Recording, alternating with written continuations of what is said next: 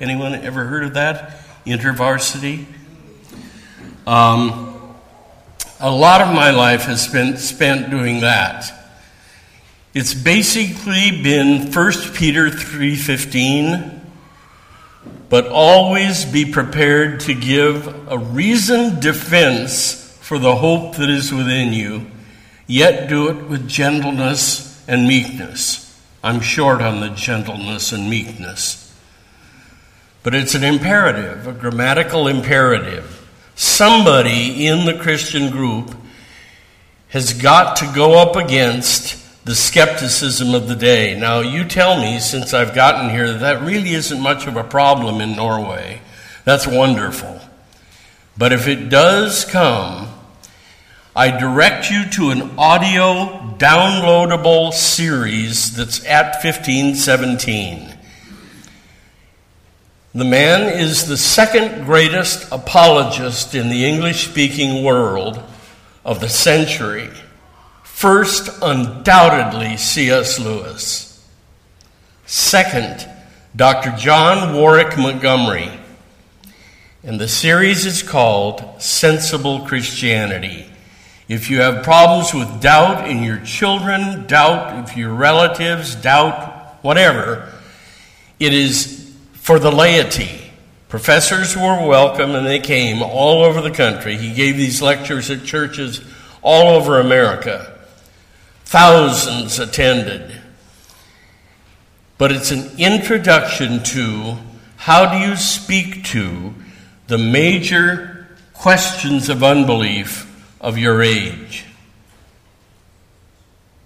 Problem of evil what do Christians say to the problem of evil? How in the world do you, you'll always be asked, might as well learn to give a really crisp answer to it. So I, I recommend that to you in the strongest possible way. Have any of you ever heard of the American company called the Teaching Company? With everything that they send out, audio, comes an outline of every lecture. My students have done that for Dr. Montgomery's Sensible Christianity. There are outlines of every lecture. Okay? All right, again, my thanks for you inviting me here, and it's been a delight to, after 35 years, be away from Germans. Goodness gracious. 35 years with them. And I grew up in a Norwegian congregation where the occupation was as if it happened two months ago. It was ever living in the mind, instant. All right, growing up under Lutheran pietism. If I were to subtitle, it, it would be how to drive a young boy into agnosticism using the church and its education to do it. Um, sometimes a movie is, especially for the younger generation, a movie is a great entry into the mind. Have any of you ever heard of a movie titled Babette's Feast? You have. Great, great intro uh, to the world of Scandinavian pietism. the setup is that a beautiful uh, French girl uh, arrives in this pietistic Norwegian town and comes to make a feast for these sad Scandinavian Lutheran pietist Christians. People seem sad, depressed, they wear drab clothing, they eat grave food. Um, and she arrives, this beautiful woman dressed in bright clothing, and to fix a feast worthy of a king for the whole town, and all for free. Her lady cohort is named Philippa Melanchthon. Okay? Uh, it's worth it if you haven't seen it.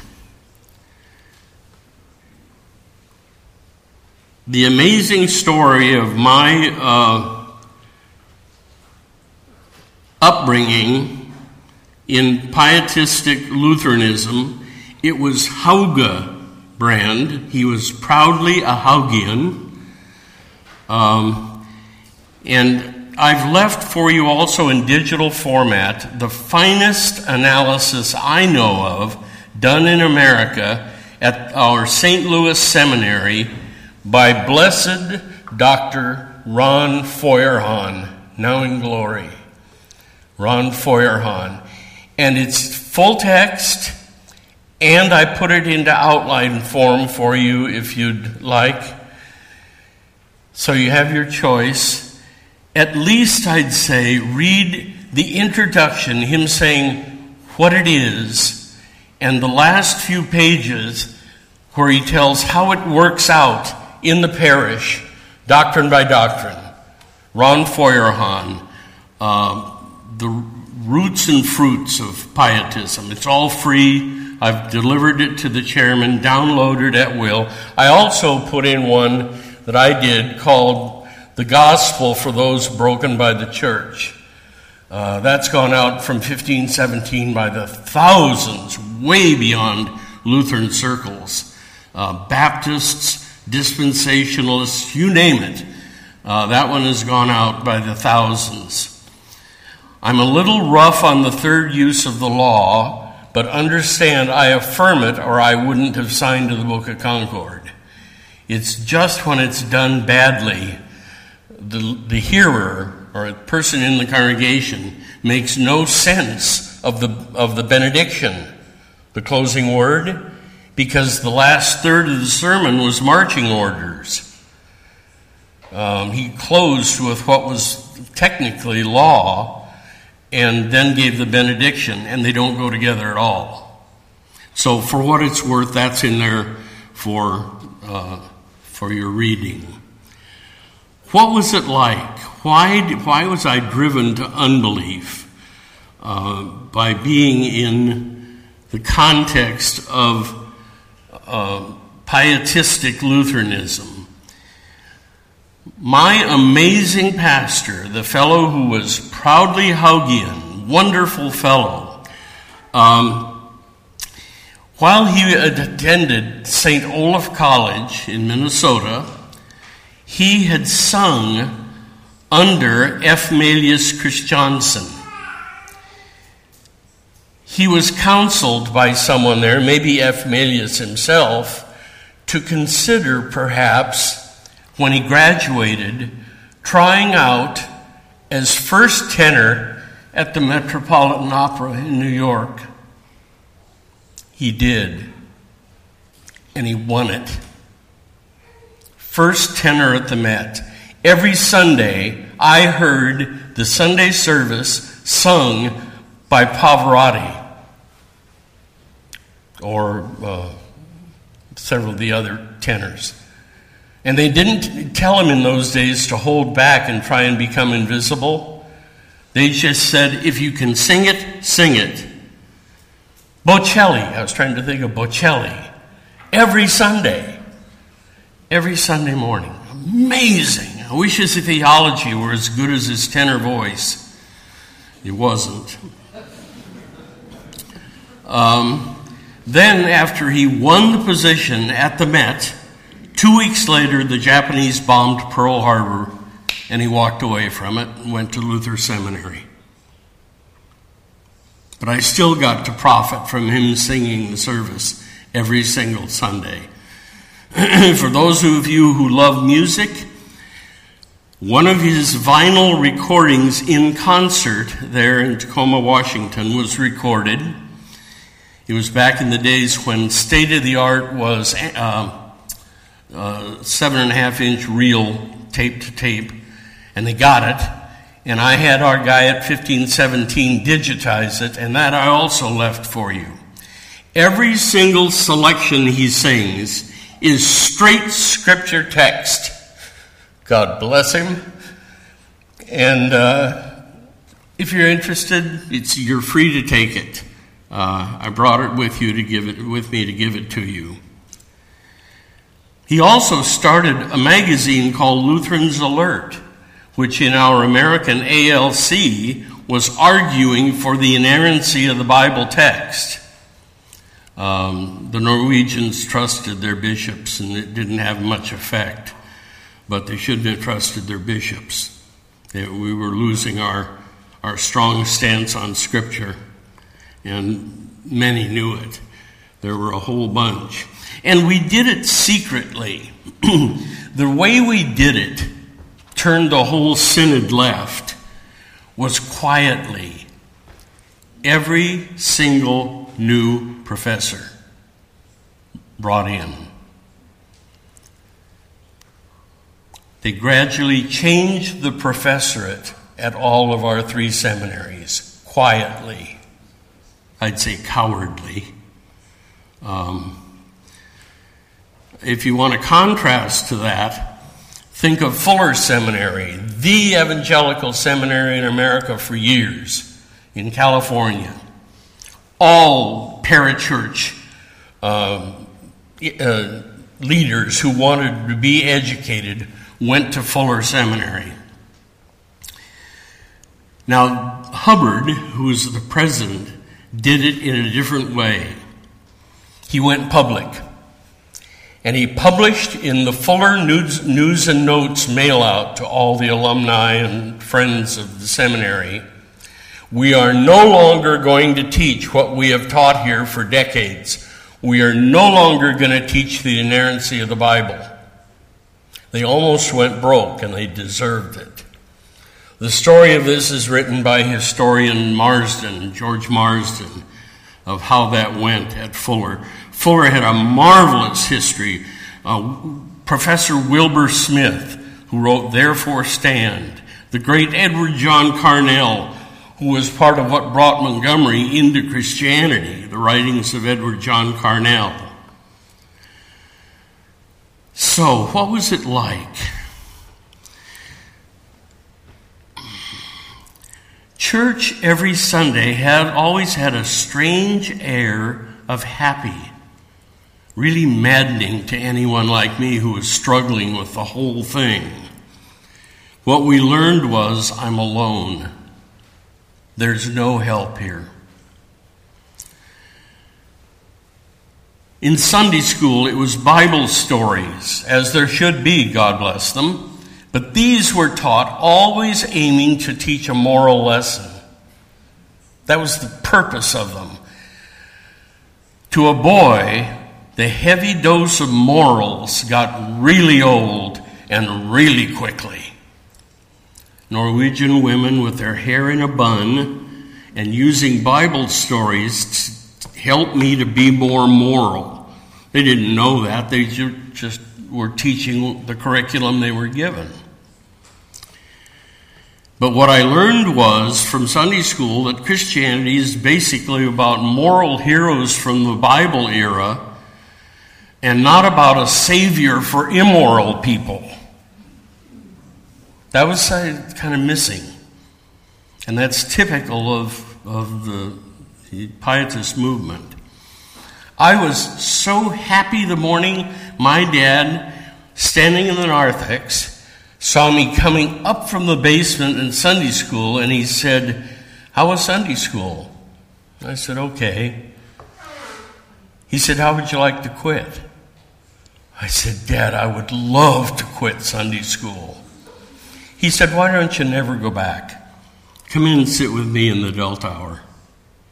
Now, I didn't understand one tenth of what was going on, but I was next to him. Everything was fine. Uh, yay, never again Sunday school. Same with the uh, youth group Sunday activities, evening, short devotion, and then some sort of fun activities. I tried it once, never went back. It was fine with my dad too. We sat and watched TV, movies on TV, and ate popcorn and drank Coca Cola together. It was much better than being at the youth group. How about the Sunday sermons? Well, It lambasted the sin of our culture, was strong on that. And it seemed to be it was preaching for the conver- conversion of any who were there not yet converted. That's my guess. But that also was typical of, of pietism. Serious appeals to come to Christ and accept Him. We didn't call them altar calls, of course. Couldn't do that. But it was the same tone. My reaction as a child, boy, quit trying to be my mother. You aren't my mother. I have one already, and it's too much for me. Not the effect they were looking for. Now, sure, we youth all had to, thank God, dutifully memorize the words of Luther's small catechism. Thank God for that. Um, and it included Luther's explanation of baptism and supper. We had to memorize it. Christ giving the communicant himself in his saving benefits of his death and his resurrection via matter, via water, via bread, via wine, combined with Jesus' word of promise. Done. Great. That was encouraging. Now, after deserting pietistic Lutheranism, it made an agnostic out of me. I'll tell you a little bit about it. I later discovered St. Paul's letter to the Philippians. How many times does the word joy appear in Philippians? It was every seventh word, I swear. How strange, because it didn't match what I saw in Pietistic Lutheranism. Overall, it was a strange combination of outwardly smiley and happy, but underneath a sense of sadness that seemed unbreakable very confusing to a boy.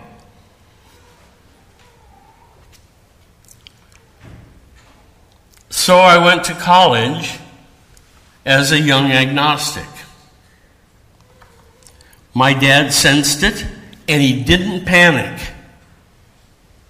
He trusted what was going on between us. Typical. I'd come back from Seattle to Tacoma 30 miles for the weekend. And during the weekend, my dad would say, How are you doing with money? I'd say, I'm okay.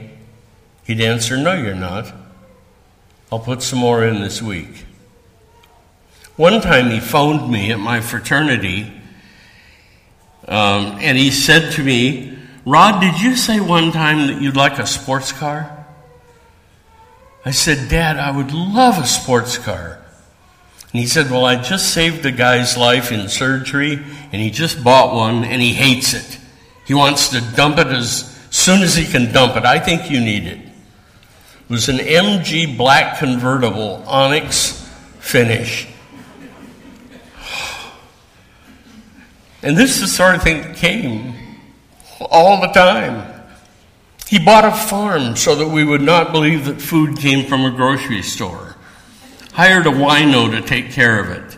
Chickens and ducks, ducks and horses so we could learn to take care of a horse and ride one. An old Ford tractor so I could learn to drive on my own. Maybe just over and over and over and over. That kind of a boyhood changes you forever. My district president said one time, Rod, I need you at St. Louis as a professor. I said, Lauren, that would last about two glorious weeks, and I'd be out of there, and would have nothing to do with liberalism. Had to do with the dynamics of the German family, which I discovered through the scholar in the world on the German family, a Swiss psychotherapist, is a completely well hidden matriarchy. Now, I paid my dues 25% through my mother, but that was more than I needed. Uh, that would get me fired. Not liberalism. That would get me fired at some seminary. I would end up some, telling some faculty member in the hallway at a high pitch in a very obscene way what I thought he could do with himself. And that would be the end of that career. But I sure enjoyed being called to teach collegians the Lutheran faith and to teach collegians um, the introduction to Christian apologetics. Class after class after class after class must have been 30 years, more than 30 years. Before that, I had been at Westmont College in Santa Barbara, California, which is nicknamed the Wheaton of the West.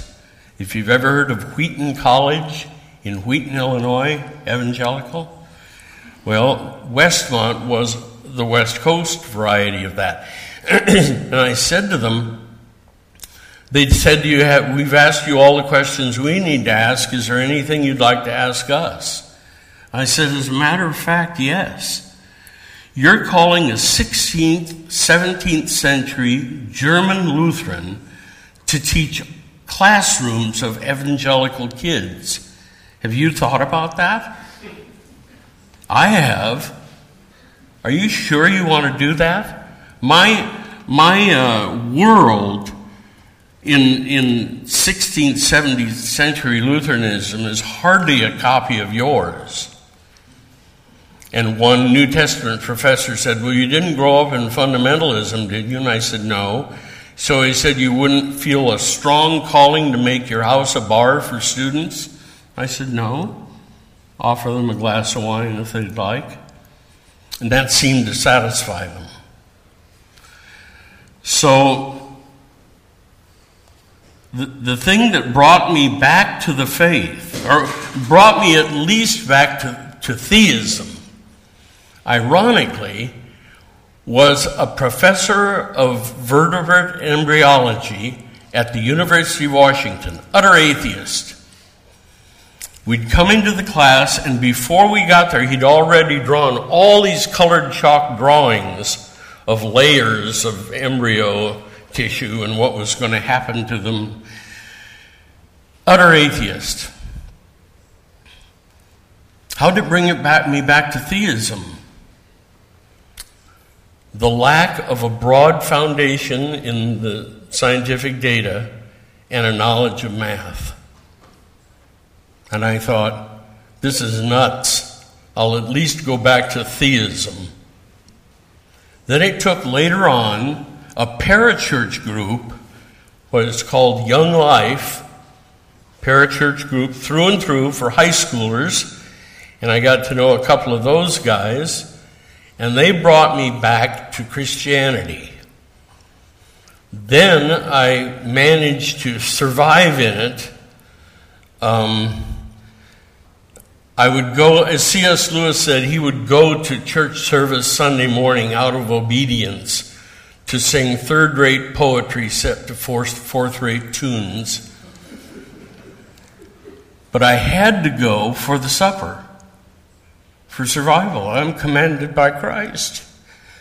I had one MD in a congregation I served as a pastor who every Sunday morning would come faithfully every Sunday at 20 minutes till the end of the hour. All of the rest of the service he counted not done very well, but he was there for the supper, for confession and for the supper, and then he would disappear. Multimillionaire. And he would disappear quickly. Wanted no intercourse with anybody really, but he needed the bread and the wine and the absolving, and he knew it. And I thought, I understand that guy. I understand. I don't need him to come at the beginning of the hour. If he's coming that faithfully, for the bread and the wine and the absolution. God bless him. I'm glad he's here. But it does tell you something. This is all over the place, and many times It's from having been burned by the church so that they come back just for what they really need and don't let you toy with them in any other way. You've lost their trust.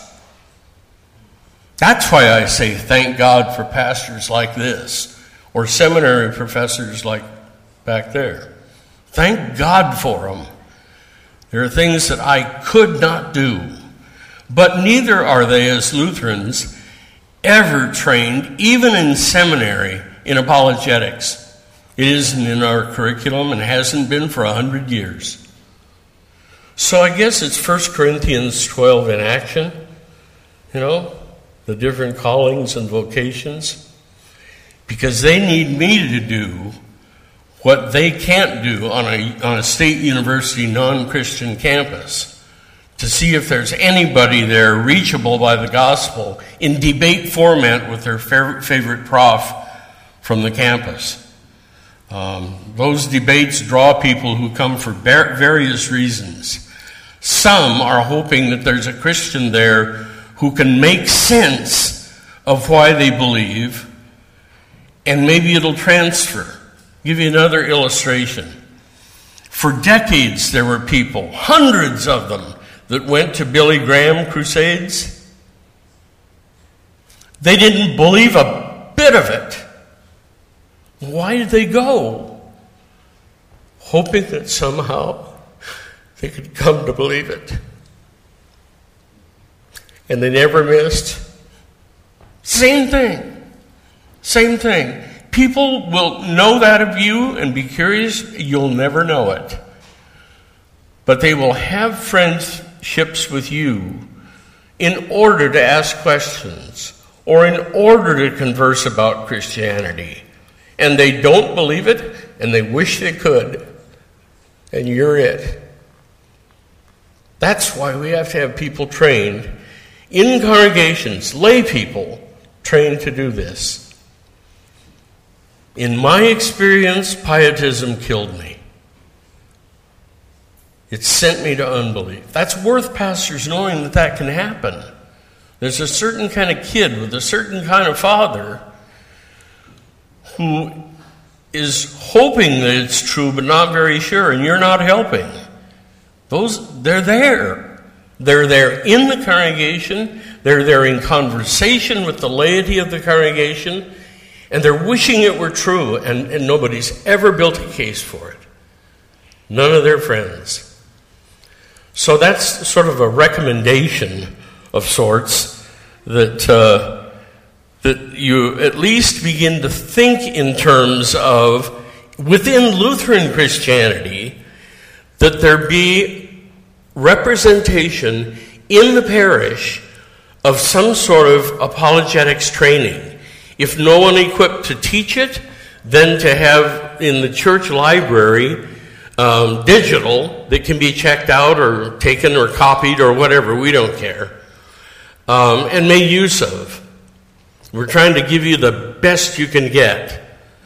And uh, I, I notice nobody does Q and A here. Do we? Is it okay to have a time of question and answer? Yes, go ahead. Is that okay? Okay. I'll sit down for it if you don't mind. But uh, I never. I, I begin learning who my audience is, is, audience is when I arrive. But I had kind of an inside track by growing up in pietistic Norwegian Lutheranism. I had kind of an idea. Are some of you listeners to the Thinking Fellows or to some of the things that we do digitally? A couple of you. Okay, that's a that's a pretty rough treatment of of of, uh, of uh, pietism the paper that I gave to you digitally, the one, the St. Louis Conference and Ron Feuerhahn's paper, both in full text and in outline form, you'll find there that he praises pietism in ways that probably I wouldn't, but he did. Their activity in mission work, um, there several things the pietists do, still do, and have done in their past that are really praiseworthy. It just was a bad combo for somebody like me. Oh, and if you want to know why I'd be fired from seminary, feel free to ask me later, not here, but feel free to ask me why I'd be fired. Anyone? Yes. Uh, you, you have a book called When Good Fathers Die. It's always too early. Uh, yes, I did a. It was a lecture series. A literature. I, I gave it in an Episcopal cathedral in Birmingham, Alabama. It can be bought digitally at the Cathedral of the Advent uh, in Birmingham, Alabama. I don't know if we have it at. Do we have it at 1517, Scott? When good fathers die, it's always too soon? We do, and all of the stories are in the back of Being Dad. They want to pick up a copy of Being Dad, all your dad's stories are in the back of that. Okay, good. So the question is, how important do you think your father was in your process of uh, coming back to faith? Oh, I think he was behind it all, and I just didn't. I was flailing, trying to find my way back. Um, Christianity wasn't really the offense, it was the form of it that I met. It was pietism that I couldn't handle because of its legality. With a father like mine, I didn't worry much about legality, it wasn't in him. And I always thought, why did he take us to that church anyway? And I think the answer was the pastor was no dummy. He was an outstanding scholar, and he enjoyed the Bible class. If Pastor Radall was teaching his way through Romans, he wanted to be there. He was a surgeon, but he wanted to be there for that. But, oh, for me, it was catastrophic. Just catastrophic. I, I, have to, I have to give you someone, an expert, who will praise them because I get reactionary. I'm kind of reactionary. And so, better that someone else would sing its praises to you in lecture form, and that I wouldn't even attempt that. So, I go to my betters, to Dr. Feuerhahn, who does it fairly. I did find out where he got most of his material. Have any of you ever heard of Christian History magazine?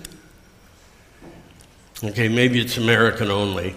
But in their one of their earliest issues, and every every issue had only one subject: Augustine, Luther, Calvin, Wesley, the Eastern Church. They're marvelous things, and I think they're still in print. But it, it was uh, there that he found a lot of his material, his own Lutheran knowledge, of course. But I found by researching it that a lot of it he had found in Christian History magazine. Uh, I didn't have that in digital, or I would have given it to you too. But know that, that there is a magazine called Christian History, later became Christian History and Biography, and you have wonderful introductions to individual movements or people. There's some silly ones in there. There are two on money. They're silly, but um, it's basically the great figures of Christian history and what were they about? What was going on at the time? Who were they? What were they attempting to do? Basic, basic introduction. But quality done by historians of repute, where I'm sure they called him and said, Would you write something for the laity on your favorite subject? And they probably said, Sure, I'll do that. Those are the articles. You do have, I gave you the table of contents of the issue on pietism. That's in there in digital too. What are the, what are the articles in the issue and who wrote them? So that's there for free. So, yeah, it was a, it was a whole series done at Birmingham, Alabama, the, the one when Good Father Die, it's always too early.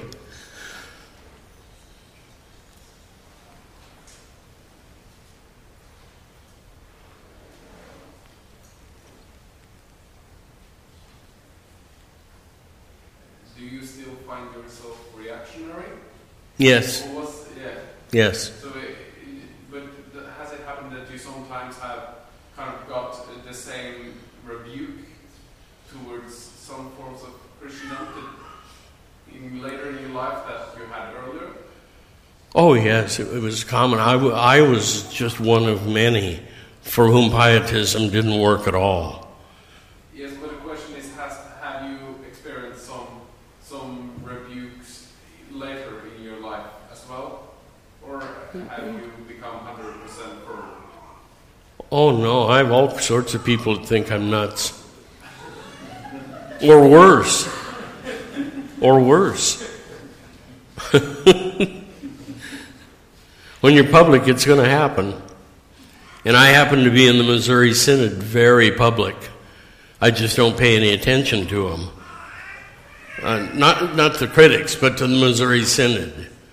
I, I don't think my church. It's, it's the same reason I oppose bishops. Nobody's good enough to be one.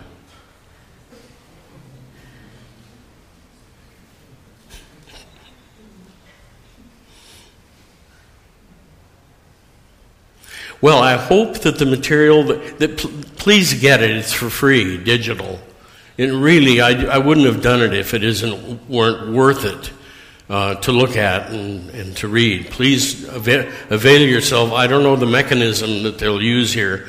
I brought all of it on one little USB drive. It's formatted for PCs, so both Mac users and PC users can use it. But please avail yourself of those things and see what you think. I hope they'll be a profit to you.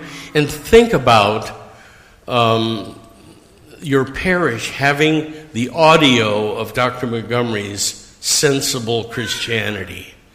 That's worth a try. It's only uh, probably 25 bucks or something. And just turn it loose to the congregation. Just let them check it out, copy it. We don't care. And they should buy it, but I don't care, and most of us don't care. Just if it's a profit to you, take it. Take it. Well, I'm, I'm very gratified to ever be invited somewhere where Jim Nestingen has been. Ever. Um, the, the, the, file, the files, so the material you, you refer to, Rod, is we will put it on our website, available for Oh, okay. download. Yeah. Sure. Um, you have a you have a a lecture on 1517 called something like with the title along the lines of uh, the gospel is for the Christians too. Yes. Could, could you say a few words about that? Yeah, it's along the same lines. Um, in American evangelicalism, the gospel is to evangelize. Then, once you're in, the rest of your church life is law. All of it. From the, from the pulpit every single Sunday. You don't need the gospel, you've been converted.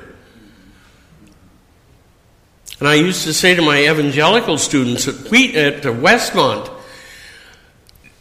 I'm going to say something to you that'll make no sense whatever, but I just want to introduce it into your mind. And I'll do it autobiographically. I need to hear the gospel preached to me every single Sunday. And it made no sense to him, of course, because I was already a Christian. Why would I need to hear the gospel every Sunday when it had already done its work on me? I was a believer. So that took a while. Some of them had no idea what that meant. None. It, it, I really was sort of house Lutheran or representative of something that we don't even know what it is there. But they, they uh, students stuck with it. They began to recognize, oh, it is Christianity. He's a Lutheran, but it is Christianity.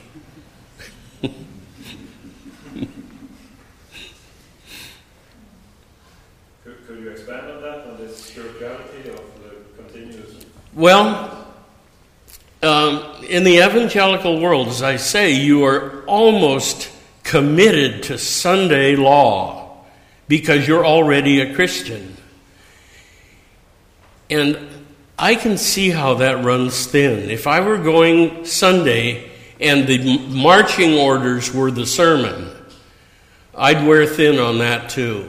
That would, it would take maybe a while, but I'd be out because there was no nutrition in it.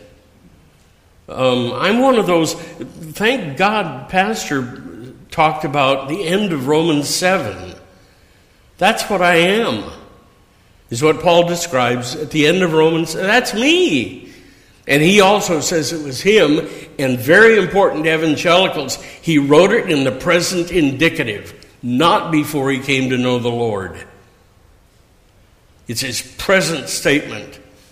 The good that I would, I do not. That which I hate, I'm always doing. Wretched man that I am, who will deliver me from the body of this death? That's Paul in the present as a believer. That's what I needed to hear, and Pietism didn't tell me that I'm in Romans 7 the same way he was. One of the reasons I knew it was screwy was it was so smooth.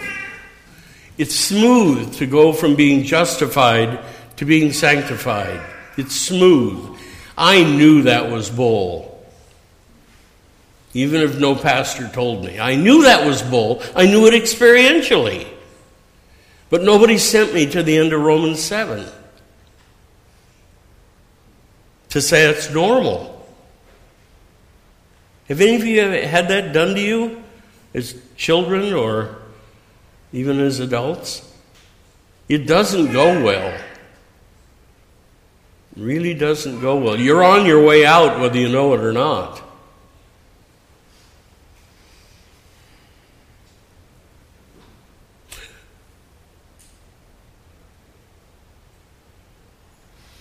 Well, thank you for your attention. I hope it's been of help to you. And I again thank you uh, for this evening. Good to meet so many of you. It's relieving after 33 years with Germans. I wonder if I, if I should. We have some minutes left, so maybe I should should uh, plague you with one more question. Sure. As we as we have a have a, a scholar of, of Luther's, Luther's bondage of the will. We have this passage that where Erasmus says, uh, "If you preach the gospel, who would ever try to improve themselves?" Yep, that's a standard line. Yeah, and we have the same. Yep. Okay, the gospel might be a nice thing, but please don't tell the kids or the, re- the really important thing is they're equipped to fight the fight of sanctification and so that's what it's for. It's what the gospel's for. No, it isn't what the gospel's for. The gospel's to get you into heaven. I used to say it was it had a lot more to do with life here than I do now in the unbelief of our day. Now I just try for the least to say it's to get you your problem is death and it's to get you past it, to deliver you from and into something alive after death. And then I try to do the rest later on. It used to be back in the 50s and 60s, the final thing that you, you could use as, the, as to the power of the law was death. Now we've got a form of unbelief in the West where Somebody will look at you in all seriousness and say, Oh, I'm not a Christian, but I'm very spiritual. What is that? What's the cash value of that? So I'll throw in later on something about the advantages of being a Christian in the midst of the fight and being equipped and so forth. But I'm just to find, trying to find traction anywhere for them listening anywhere I can find it to just have a conversation. And they're more than you think. Many won't react, It'll, they'll react later, not to you, but to others. It does have an effect many times. You just don't see it. Just keep doing it. Just keep doing it. Christ's for sinners, Christ for you, propter Christum in street language. The message of Christianity is Christ, and in a particular way, in his dying. Christianity is about Christ dying for you. Keep doing it. Pastors, God bless you. Keep doing it. um, seminary profs. Keep doing it. I could never do what you do. I'm so thankful you do what you do. Does that make any sense? We are not growing. I mean, the jokes about Lutheran evangelism being conceiving children aren't funny. I, I, want all sorts of curious people, unbelievers, to show up at our service, even if they don't pay attention to anything, just sort of watch, but they do want to talk to somebody about what is it anyway? What is this stuff? What are the, the Pew, latest Pew study told us that we have a whole generation of moralistic, therapeutic deists. A whole generation of them and who will probably tell you, I'm, I'm not a Christian, of course, but I am spiritual.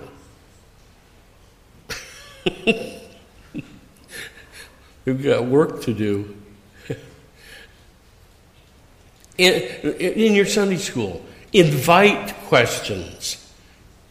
Say a few. Tell them in implicit ways Christianity is open to being questioned, not closed. We don't just assert, like Islam, just asserting. Christianity invites a conversation with skeptics. We don't, we don't aim to execute skeptics, we aim to have a conversation. Our weapon isn't a sword, it's the scriptures, it's the gospel. Does that make sense? I hope. But it bothers me that we don't have more coming into Lutheran Christianity. Um, I hope that in America there are going to be burnouts from those mega churches, Joel Osteen and others, the entertainment centers, stadiums with thousands, especially of men who can call their mothers later and say, I went to church, mom in this stadium built on a message of self improvement. Good grief. If they burn out, I don't want them to walk away from every religion in the world. I want them to say, I wonder if Christianity has something to say. Don't you? Wish that would happen? Come unbelieving. Christianity is open to questions. Have you ever heard of the late Paul Little? Paul Little was with InterVarsity for years. He preached my ordination, which was unheard of in Lutheranism. I was his teaching assistant in, at Trinity in Deerfield, Illinois. And Paul Little wrote a book called um, Know Why You Believe. It was apologetics again. Paul Little was in charge of the calls, the phone calls, and had trained all the people that took the phone calls during the Billy Graham Crusades. They had a place they could transition for those who had questions about whether Christianity was true and answer basic questions. that was Paul who trained all those kids. Paul Little, know why you believe. One of the freebies we're going to offer on uh, at 1517 is a little four page thing uh, t- by Paul, and it's called What Non Christians Ask.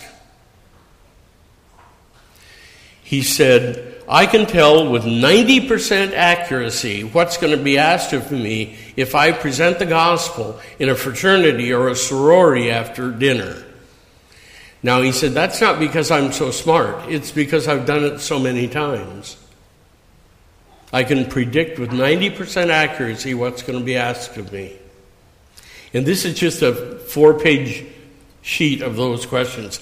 Now, he's nowhere near Lutheran, he's evangelical to his core.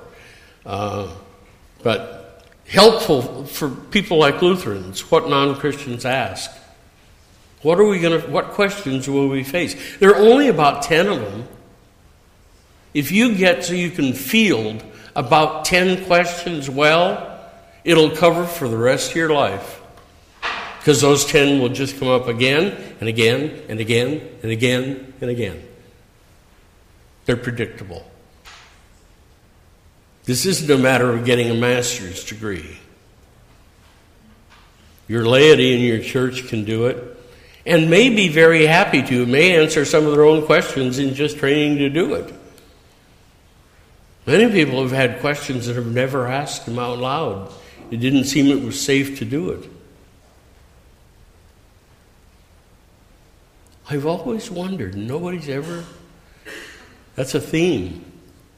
There's something going on in your church where it's not safe to ask questions. Kids pick it up immediately in Sunday school.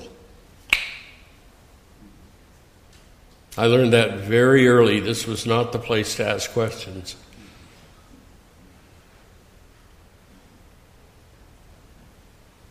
All right. Another? You, you quoted uh, Romans uh, 7, Uh huh. but if we go to Romans 8 1, Oh, yes. that is, you are arguing that we should all hear that every Sunday. Um, uh, no, I, I, certainly. I mean, Romans 8 is just indescribable in words. But it comes after the depth, you know. And I was in the mess. It, it, it wasn't even that I didn't believe Jesus rose from the dead, not yet, but I couldn't put it together.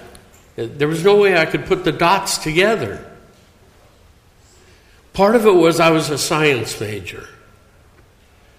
And we ask a different kind of question than people who are in sociology or psych. We do. We, we think different questions. And, and it, I, it wasn't scratching where I itched. Pietism didn't scratch where I itched. It was part of my problem, not part of my answer. And finally, I gave up. Is that of any help to you? I hope it is. Negative though it is, there's a flip side to this that says there, there's much better that we can do than what I got. It really is. Examples your own preacher here or your semprof. That's, that's what it looks like done well. Jim Nestingen. That's what it looks like done well. All right. Well, thank you for your attention. I don't want to hold you over. Uh, I appreciate the invitation and the, your presence. Thank you.